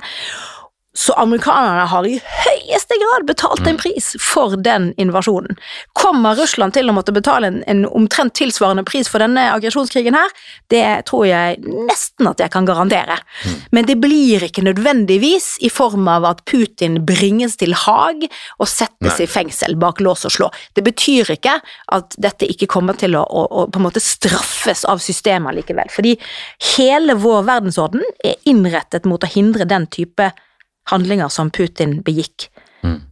i februar i 2024. Nei, 2020, 2022. Ikke sant? Den type ting skal stater ikke drive med. Hvorfor skal de ikke det? Jo, det er to grunner. Det kommer til å ryste ved hele vår verdensorden, og kommer til å få enorme konsekvenser for, for verden, rett og slett. Eh, nummer to, eh, det kommer til å bli veldig mye mer krig mellom stater, og det kan vi ikke ha i en verden med så mye masseødeleggelsesvåpen, og med tross alt eh, så store muligheter for eh, ja, for ødeleggende kriger som det vi har. Så det, det, er på en måte ikke et handlingsrom vi har. Det er grunnen til at jeg har ganske stor tillit til at Russland kommer til å måtte betale en meget høy pris for denne krigen, nesten uavhengig av hvordan utfallet faktisk blir på, mm. på bakken i Ukraina. Ja, vi så egentlig et interessant for jeg, liksom Når jeg prater om å, måtte stå til ansvar, så er det akkurat så jeg ser for meg noe sånn Ja, eh, internasjonale Altså i Haag, eller Men vi så jo med han eh, Var han en Wagner-soldat, han som avhopperen som kom til Norge?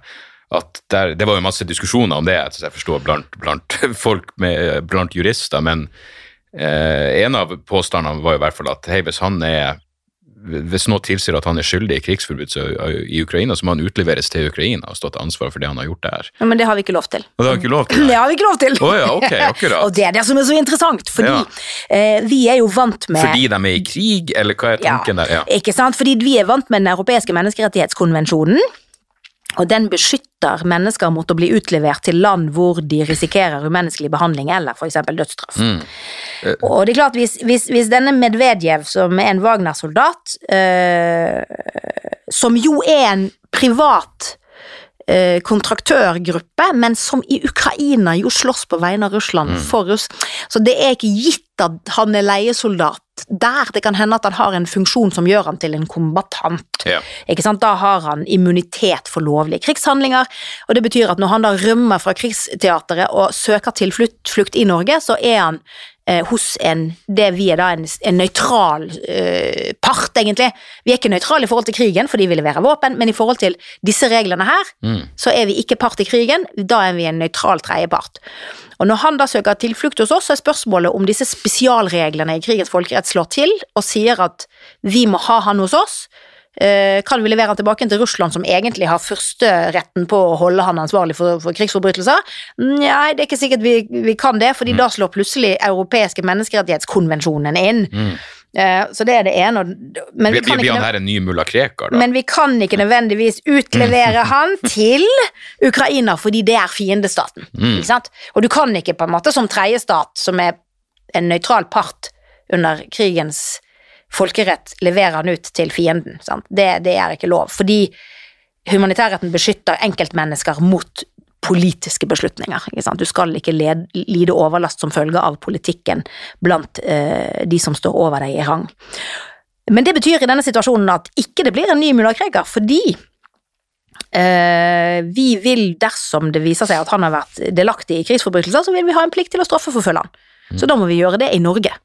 Eh, og det kan jo ta sin tid. Mm. Eller vi kan utlevere han til en internasjonal straffedomstol dersom man etablerer det i Ukraina. Og det er også en av grunnene til at det er en eh, av de tingene man diskuterer, å etablere et internasjonalt tribunal som tar utgangspunkt i ukrainsk strafferett og ukrainsk jurisdiksjon, men som har den internasjonale straffedomstolen på en måte som et hjelpeorgan, eh, og hvor alle land i Europa som får mennesker i sin varetekt eller under sin kontroll som antas å ha begått krigsforbrytelser eller forbrytelser mot menneskeheten i Ukraina, kan leveres ut til det straff, straffe, straffetribunalet fordi det ikke er Ukraina. ikke sant? Mm. Og Det betyr at da vil alle kunne behandles i, i den samme institusjonen. Og så kan man heller da være med på å finansiere den, eh, for å sørge for at dette her blir gjort på en, på en eh, lik måte for alle. Og det er klart, det, Jeg tenker nok at det vil være den, den mest naturlige løsningen. Problemet er at ansvar for aggresjon kommer ikke til å være en del av det Nei. grunnlaget, fordi det er en annen type forbrytelse. Eh, men det er klart, dette kommer vi til å, å ha mange prosesser for de neste, de neste, årene, fordi dette er et rettsoppgjør som kommer til å foregå i mange mange år fremover. Jeg husker jo at eh, det var vel eh, Jeg vet ikke om det var direkte altså Verken Russland eller USA anerkjenner vel det internasjonale altså ICC i, i, i, i Haag. Eh, men var, jeg mener bestemt at Bush trua med å invadere Nederland hvis, eh, hvis han risikerte at amerikanske soldater endte opp Altså i, i det ytterste konsekvensen. Ja, eller i fjor, eller under Trump, da når eh, påtalemyndigheten Fatou Bensouda valgte å, å, si at ICC har jurisdiksjon over amerikanske soldater i Afghanistan, så utstedte de jo en arrestordre på påtalemyndigheten i, i Haag. Det er bare et par år siden. Oh, ja, okay. ja da, eh, Dette her trakk Biden Ja. tilbake igjen. Dette er en pågående diskusjon også igjen, altså. Det er noen harde virkemidler her. Eh, Jeg vil nok ikke si at amerikanerne er direkte motstandere av ICC, og heller ikke russerne. Eh, Det de ikke vil, er at domstolen skal ha rett til å dømme deres egne soldater. Nei? Fordi domstolen er ganske nyttig for Sikkerhetsrådet, fordi Sikkerhetsrådet har jo anledning til å si til land som ikke har undertegnet eh, Roma-statuttene, og sier at jo, men dere skal presses inn under jurisdiksjonen til domstolen. Det gjorde Sikkerhetsrådet for Libya, og det har Sikkerhetsrådet gjort eh, for eh, Sudan, blant annet. ikke sant? Og det er et ganske godt virkemiddel som både Putin og Biden kan bruke som pisk overfor land for å presse dem. Altså, det er et verktøy i deres verktøyskasse. Og til og med Donald Trump, som samtidig som han hadde en sånn kampanje mot ICC og utstedte arrestordre mot påtalemyndigheten, så brukte amerikanerne trussel om overføring til ICC i forhandlinger med eh, i hvert fall to afrikanske stater. Så det betyr at det er ikke, det er ikke en motstand mot selve institusjonen, men det er motstand mot at den skal stå over din egen nasjon. Ja. Fordi store stater, og dette gjelder også kineserne, de anser at de ikke skal underlegges på en måte den type jurisdiksjon. Og i våre dager så gjelder det amerikanerne, russerne og kineserne først og fremst. Ikke sant? Eh, franskmennene og, og, britene i en annen kategori. er- de er ikke mektige nok til det. Eh, Det var jo akkurat en, eh, en artikkel i New York Times om at eh, det, det er visst eh, konflikt innad i Biden-administrasjonen. Pentagon er motstandere av at amerikanerne skal dele informasjon om russiske krigsforbrytelser med Haag fordi de er redd for å måtte stå til ansvar for tilsvarende ugjerninger. Eh, Ja, jeg tror det er flere temaer involvert i tilbakeholdenhet i å utlevere den type eh, etterretningsinformasjon som det jo er, da. ja. Det er noen prinsipielle problemstillinger der rundt hva etterretningsorganisasjonene har av informasjon, og hvordan de skal samarbeide med domstolene. Og her skal man være på vakt, ikke sant? fordi eh, etterretningsorganisasjonene etter hvert, fordi de har veldig stor eh, tilgang til digitale flater, sitter med veldig mye informasjon, og så er spørsmålet hvor mye av den informasjonen skal over i det sivile straffesystemet, og der tenker jeg nok at vi skal få noen vanskelige diskusjoner fremover, også i tilknytning til krigen i Ukraina. Eh, så det handler på en måte om en sånn prinsipiell eh, opp altså sånn grensedragning der. Og så er det selvfølgelig eh, spørsmålet om amerikanerne vil utlevere informasjon som kan avsløre kilder de har, eller teknologi de har, osv. Så, videre. så det kan også være en sånn sikkerhetstankegang, fordi vi skal vite at internasjonale organisasjoner som ICC, for eksempel, der, der er det mye forskjellige folk som sitter, ikke sant. Det er jo ikke eh, Ja, ikke sant, så det handler om en sånn sikkerhetsvurdering også. Eh, og så er jo spørsmålet selvfølgelig om, om hvis man gjør det nå, hva kan være hjemmel for å ikke gjøre det i seinere saker hvor man ikke har samme interesse, ikke sant. Skal dette her bli et sånt politisk virkemiddel hvor man holder igjen eh, i enkelte prosesser, men gir i andre prosesser? Det ville medføre en slags politisering av den strafferettsprosessen som jo egentlig skal være apolitisk, Ja, ja. ikke sant. Så det, her er det, dette er ikke så enkelt som en sånn amerikansk motstand mot ICC, Nei, okay. egentlig. Jeg tror det er, det er mange flere prinsipielle eh, diskusjoner som ligger bak Mm. eh, det, altså. Og, og vanskelige, faktisk, ikke sant.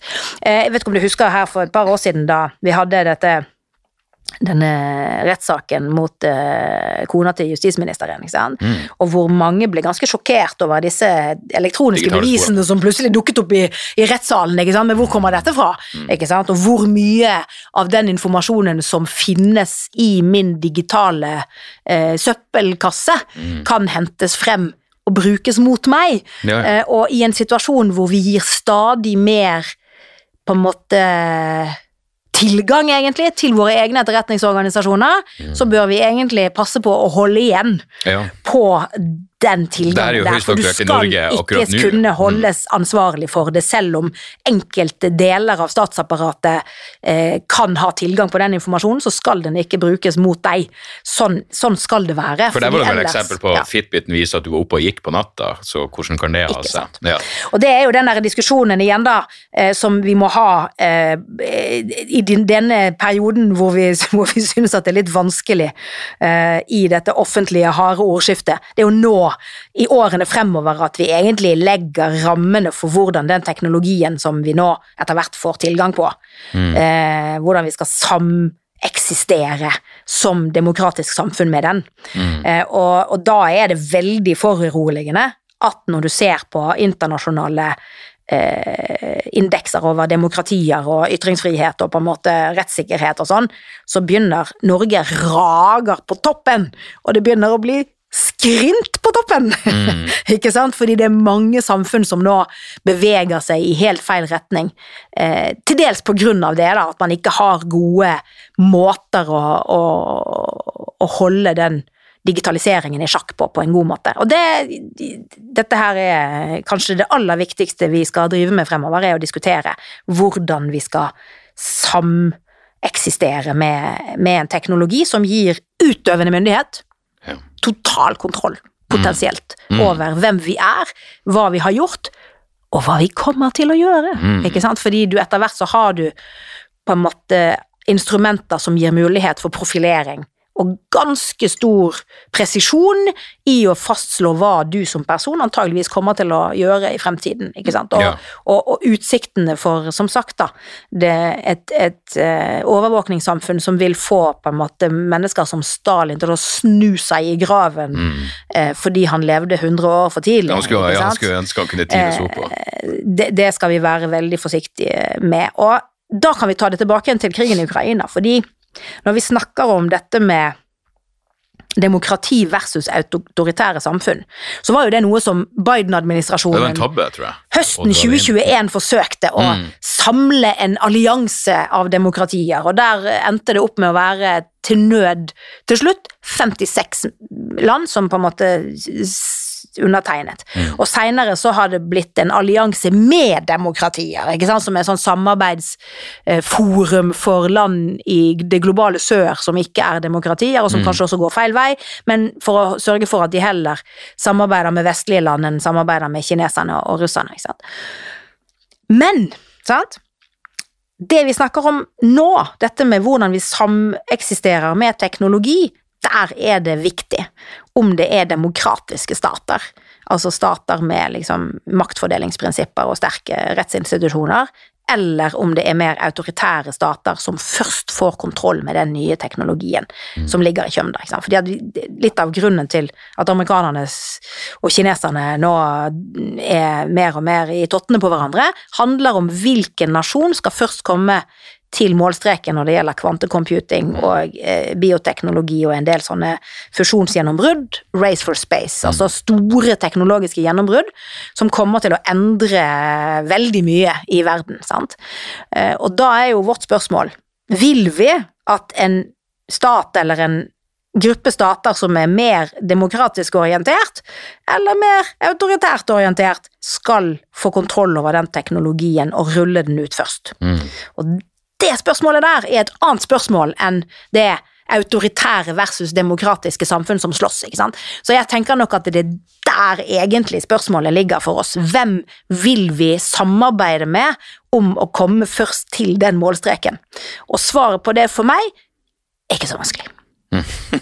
Ja, det minner meg om jeg husker Da jeg skrev masteroppgaven min, så leste jeg den Brzezinski-boka som heter The Grand Chessboard. og Jeg skjønner den tittelen bedre og bedre, for gud, for et spill det her er.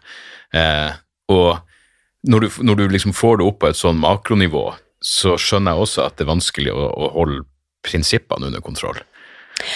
Det er riktig, men så vanskelig er det heller ikke, syns jeg. da. Jeg har jo drevet med sånne eh, geopolitiske chessboards i mange, mange år, og eh, tenker nok at i Norge så er vi eh, litt for redde for å snakke om sånne store ting. Eh, og det er ikke for å si at det som foregår lokalt eh, eller nasjonalt eller sånn regionalt politisk, ikke er det som kanskje først og fremst driver utviklingen, men du kan ikke forklare det som skjer uten også å løfte blikket. Og særlig i enkelte perioder så går geopolitikken ekstremt fort og er veldig definerende for alt det du kan gjøre lenger ned i systemet. Og jeg tror nok at vi er i en sånn periode akkurat nå, da. Og da blir det viktigere for oss å, å løfte blikket. Og det er også en av grunnene til at jeg har på en måte skrevet denne boken om Ukraina for å vise folk den konteksten som denne krigen foregår i. Ja. Jeg tror ikke Russland kunne angrepet Ukraina hvis det ikke hadde vært for at amerikanerne og kineserne begynner å komme mer i konflikt med hverandre, fordi det ville Russland visst at de ikke hadde kommet unna med. Ikke sant? Jeg tror det var en kalkyle der som var feil, men som regnet med at dette kom Russland til å komme unna med mye lettere, nettopp på grunn av den geopolitiske virkeligheten vi er i i dag. Mm. Og jeg er opptatt av at folk skal skjønne det, og at folk skal forstå og diskutere hvordan det rammer Norge, hvordan det treffer oss. Ikke fordi vi er noens fiende, men fordi vi er en stat som har en viktig funksjon i en del av disse geopolitiske prosessene, og det kommer til å eksponere oss. Så Og, og grenser mot Russland. Grenser mot Russland, ikke minst, og store sjøområder som vi har eh, kontroll over eh, økonomisk, og som vi anser for å være vår naturlige hage, ikke sant?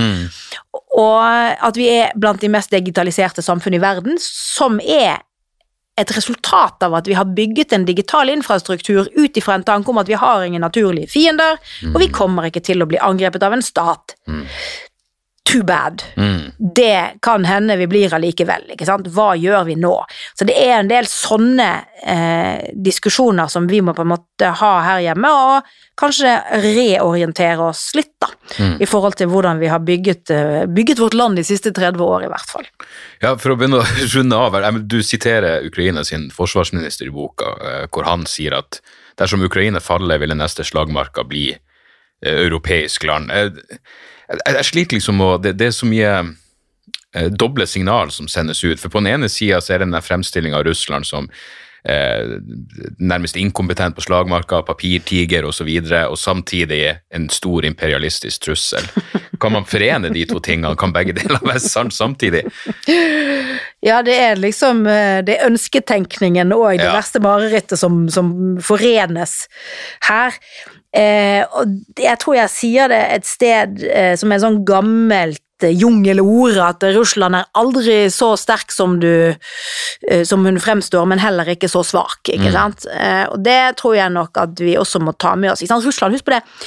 Eh, Russland var en supermakt, eller Sovjetunionen var en supermakt. Da var jo Ukraina en del av det. En viktig del av det, ikke minst. Eh, også sånn i forhold til menneskelige ressurser. Men Russland har i veldig liten grad klart å forvalte overgangen fra Sovjetunionen, eller det som var en, et pill råttent samfunn. Jeg bodde i Sovjetunionen i 1990-91, og det var virkelig et samfunn som råtnet på rot. Du var utveksling- utvekslingsstudent, ja. Jeg var utvekslingsstudent eh, i en skjebnetid, Ja. eh, tror jeg vi kan si. Uh, litt som nå. Eh, og Russland klarte aldri en, en overgang til et nytt Russland, ikke sant. Infrastrukturen er vekk, ikke sant. Eh, medisin, alle har forsvunnet, veldig mange har forsvunnet. De kan ikke generere og konkurrere på teknologi med kineserne og russerne, nei, med kineserne og amerikanerne, fordi at de har fullstendig skuslet bort den kapasiteten de hadde. Ikke sant? Så det er jo et land som er veldig svakt som stat, men ikke sant 90% av taigaen i verden ligger i Russland. ikke sant? Det er de som skal redde verden fra CO2, mm. fordi de tar opp mye mer CO2 enn det, det regnskogene gjør. Russerne kan bestemme nedbørsmønsteret i Kina hvis de vil. ikke sant? Altså de kan, de, de, Russland er en energikjempe som i liksom nedre eh, pyramiden besørger mat, trevirke, eh, energi, olje, gass, eh, uran til atomkraftverk rundt om. Det går jo båter med uran fra Russland til Frankrike og USA annenhver uke, det er jo ikke omfattet av eh, sanksjonene, for eksempel. Ikke sant? Altså, Russland er en energikjempe, og omlegging til grønn, til grønn økonomi kommer ikke til å gå uten Russland om bord. Og der ligger kineserne frempå også med å sikre seg tilganger på mineraler og metaller og sånt som trengs for. Kineserne ligger frempå, og ikke minst de andre landene i sør, India, Iran, eh, Saudi-Arabia, Tyrkia, eh, Israel, Egypt osv., er veldig opptatt av å ha gode avtaler med russerne for å hindre at kineserne blir for dominerende. Sant? Nå er det jo kommet en ny, skal vi si, detant eller fredsavtale mellom Iran og Saudi-Arabia. Den er det kineserne som har vært med på å fasilitere og så, står som garantist for. ikke sant? Og Det er fordi at det som kommer ut av Gulfen, eh, går nå først og fremst til asiatiske markeder og i veldig stor grad til Kina. ikke sant? Dette her er i ferd med å bli, gå fra å være amerikanernes bakgård til å bli kinesernes bakgård. Og russerne har sagt det nå i en del år. Vi kan være kinesernes Kadyrov i Midtøsten og gjøre drittarbeidet som kineserne ikke vil. Eh, og så er spørsmålet nå hva kommer krigen i Ukraina til å bety for russernes rolle i Midtøsten og Afrika? Det er fortsatt uklart, ikke sant? Franskmennene trekker seg jo nå fra sine engasjementer også i Mali, hvor russerne har tatt over. I Kar er det det samme. Det er en situasjon i sør, da, hvor en del afrikanske land ser ut til å velge å gå i partnerskap med russerne for å til dels for å holde krav fra amerikanerne eller kineserne unna, sant? Eh, men også fordi russerne har en sånn minimalistisk liste av krav. Du får lov å gjøre det på din måte, i bytte mot eh, at f.eks. Wagner-gruppen da får tilgang på Ja, ja. ressurser og sånn. ikke sant? Men, mens, mens eh, sånn sett fra vårt ståsted, så er det jo ikke akkurat eh, stabilitet og en redusert flyktningstrøm nordover, eller utrulling av teknologi som kan hjelpe disse samfunnene de neste 10-20 årene, som, som nå ligger i kjømda. Så det, det er jo det som er problemet, at det, det drar seg til mange steder, i tillegg til Ukraina. Mm. Ja, så vi er liksom i en sånn etableringsfase av en ny verdensorden, og det kommer til å bli turbulent de neste tiåret i hvert fall. Men på andre siden, på andre siden så Ja. er det lys i tunnelen. Det. så spørsmålet vårt er jo bare, ikke sant Vi er nå, eh, eh, vi som er i 40- og 50-årene, vi har jo levd på en måte på en sånn eneste surfebølge av eh, oppgang og medgang. vi og, ikke sant? og vi visste kanskje ikke hvor godt vi hadde det. Eh, men nå er jo spørsmålet om eh, hva er vi egentlig laget av, da? Hva, hva, hva har dette gjort med oss? Har vi på en måte stamina til å, til å bevare liksom det, det som er verdiene i vårt samfunn gjennom den rufsete perioden? Fordi det kommer jo. Det, det skal jo lande dette her i noe der fremme.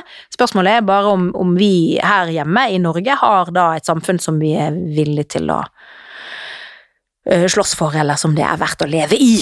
Fordi det er mye som kan gå feil vei, altså, i årene fremover. Så, så nå er det litt sånn eh, Festen er over, og det er ryddingen som skal på en måte foregå de neste årene. Og, men igjen, da. Jeg, tenk, jeg tenker at det er Vi har de beste forutsetninger Ja. her i Norge. Vi har eh, veldig mye bedre forutsetninger enn en, en mange andre samfunn. Og, og det, det tenker jeg også gir oss et visst ansvar, da. Mm. Fordi det å ha modeller for hvordan ting kan gjøres, er veldig viktig. Det er vanskelig å finne noen bedre måte å slutte på enn det, og eh, skål for at festen er over. Skål! Skål. Hjertelig takk for praten, det her var veldig trivelig.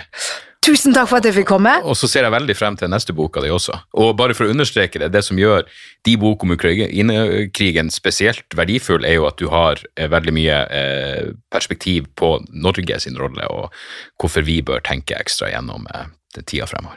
Ja, det er den introspeksjonen. Det er jo en litt mørk bok, eh, men eh, hvis du ser på Ukraina Ukraina har jo vært i en mørk tid lenge, og til slutt så endte de opp med en klovn som president. Ja. Og han viste seg jo å være den beste Ja. av de alle, så det skal du jo også vurdere. Det, det, det, skrangler jo litt i sammenføyningene i det politiske Ja. Norge for tiden, så komikere bør også vurdere hva slags type rolle de kan få Men, fremover. men jeg, jeg vil anta at han har hakket mer eh, både integritet og personlig mot enn en gjennomsnittlige komiker, men eh, det viste seg jo å, å komme godt med. Eh, alle monner drar, Ja. som det heter, og nå skal alle være med og dra lasset. Ja da, for all del. Yes, takk for praten. Takk skal du ha. Moderne media. Har du et enkeltpersonforetak eller en liten bedrift? Da er du sikkert lei av å høre meg snakke om hvor enkelt det er med kvitteringer og bilag i fiken, så vi eh, gir oss her, vi. Fordi vi liker enkelt. Fiken superenkelt regnskap.